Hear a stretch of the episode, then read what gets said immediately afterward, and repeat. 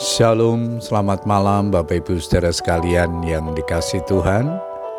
Kita bersyukur kepada Tuhan kembali malam hari ini kita boleh datang kepada Tuhan untuk menaikkan ucapan syukur dan doa-doa kita kepada Tuhan.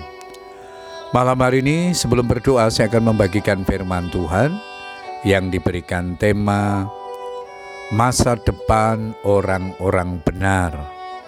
Ayat mas kita di dalam Yeremia 29 ayat yang ke-8 Firman Tuhan berkata demikian, Sungguh beginilah firman Tuhan, semesta alam Allah Israel, janganlah kamu diperdayakan oleh nabi-nabimu yang ada di tengah-tengahmu dan oleh juru-juru tenungmu, dan janganlah kamu mendengarkan mimpi-mimpi yang mereka impikan.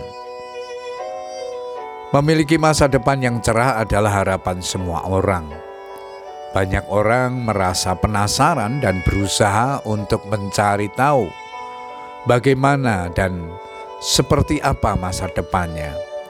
Berbagai cara pun mereka tempuh. Ada yang pergi ke toko-toko buku mencari buku-buku yang mengupas tentang kiat-kiat meraih masa depan.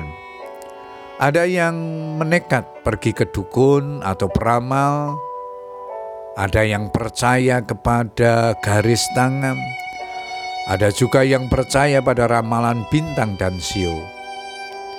Situasi yang demikian menjadi kesempatan emas bagi para nabi palsu, tukang-tukang tenung, dukun-dukun dan peramal untuk melancarkan aksinya. Berdasarkan pengalaman yang ada, ramalan tetaplah ramalan, tidak ada kebenarannya sebab mereka bernubuat palsu kepadamu demi namaku. Aku tidak mengutus mereka, demikianlah firman Tuhan. Bapak Ibu saudara sekalian, secara garis besar perjalanan hidup setiap orang melewati tiga fase, yaitu masa lalu, masa sekarang, dan masa yang akan datang atau masa depan. Setiap orang tentunya memiliki masa lalu yang berbeda-beda ada yang masa lalunya manis, indah, penuh suka, atau juga ada yang mengalami kedukaan, pahit, getir, kelam, atau dihiasi keberhasilan, atau mungkin penuh dengan kegagalan. Tidak bisa dipungkiri bahwa masa lalu seseorang dapat mempengaruhi kehidupannya di masa sekarang. Namun, kehidupannya di masa depan sesungguhnya tidak ditentukan oleh masa lalunya, tapi sangat ditentukan oleh kehidupannya di masa sekarang. Ada orang yang punya masa lalunya buruk atau kelam, namun ketika ia membuat keputusan penting untuk hidup berubah, mengikuti jalan Tuhan, dan senantiasa mengandalkannya, hidupnya pun dipulihkan dan beroleh masa depan yang baik.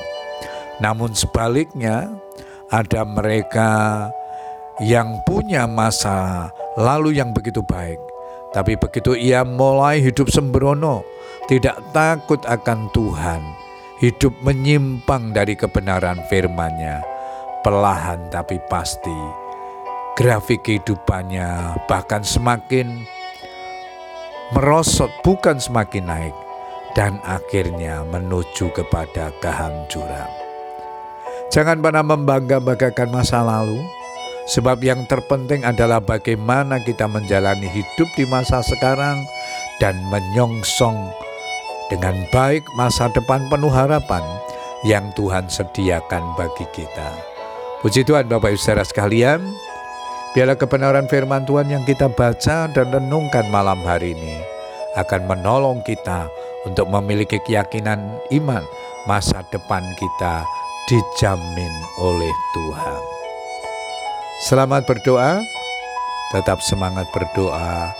Tuhan Yesus memberkati. Amin.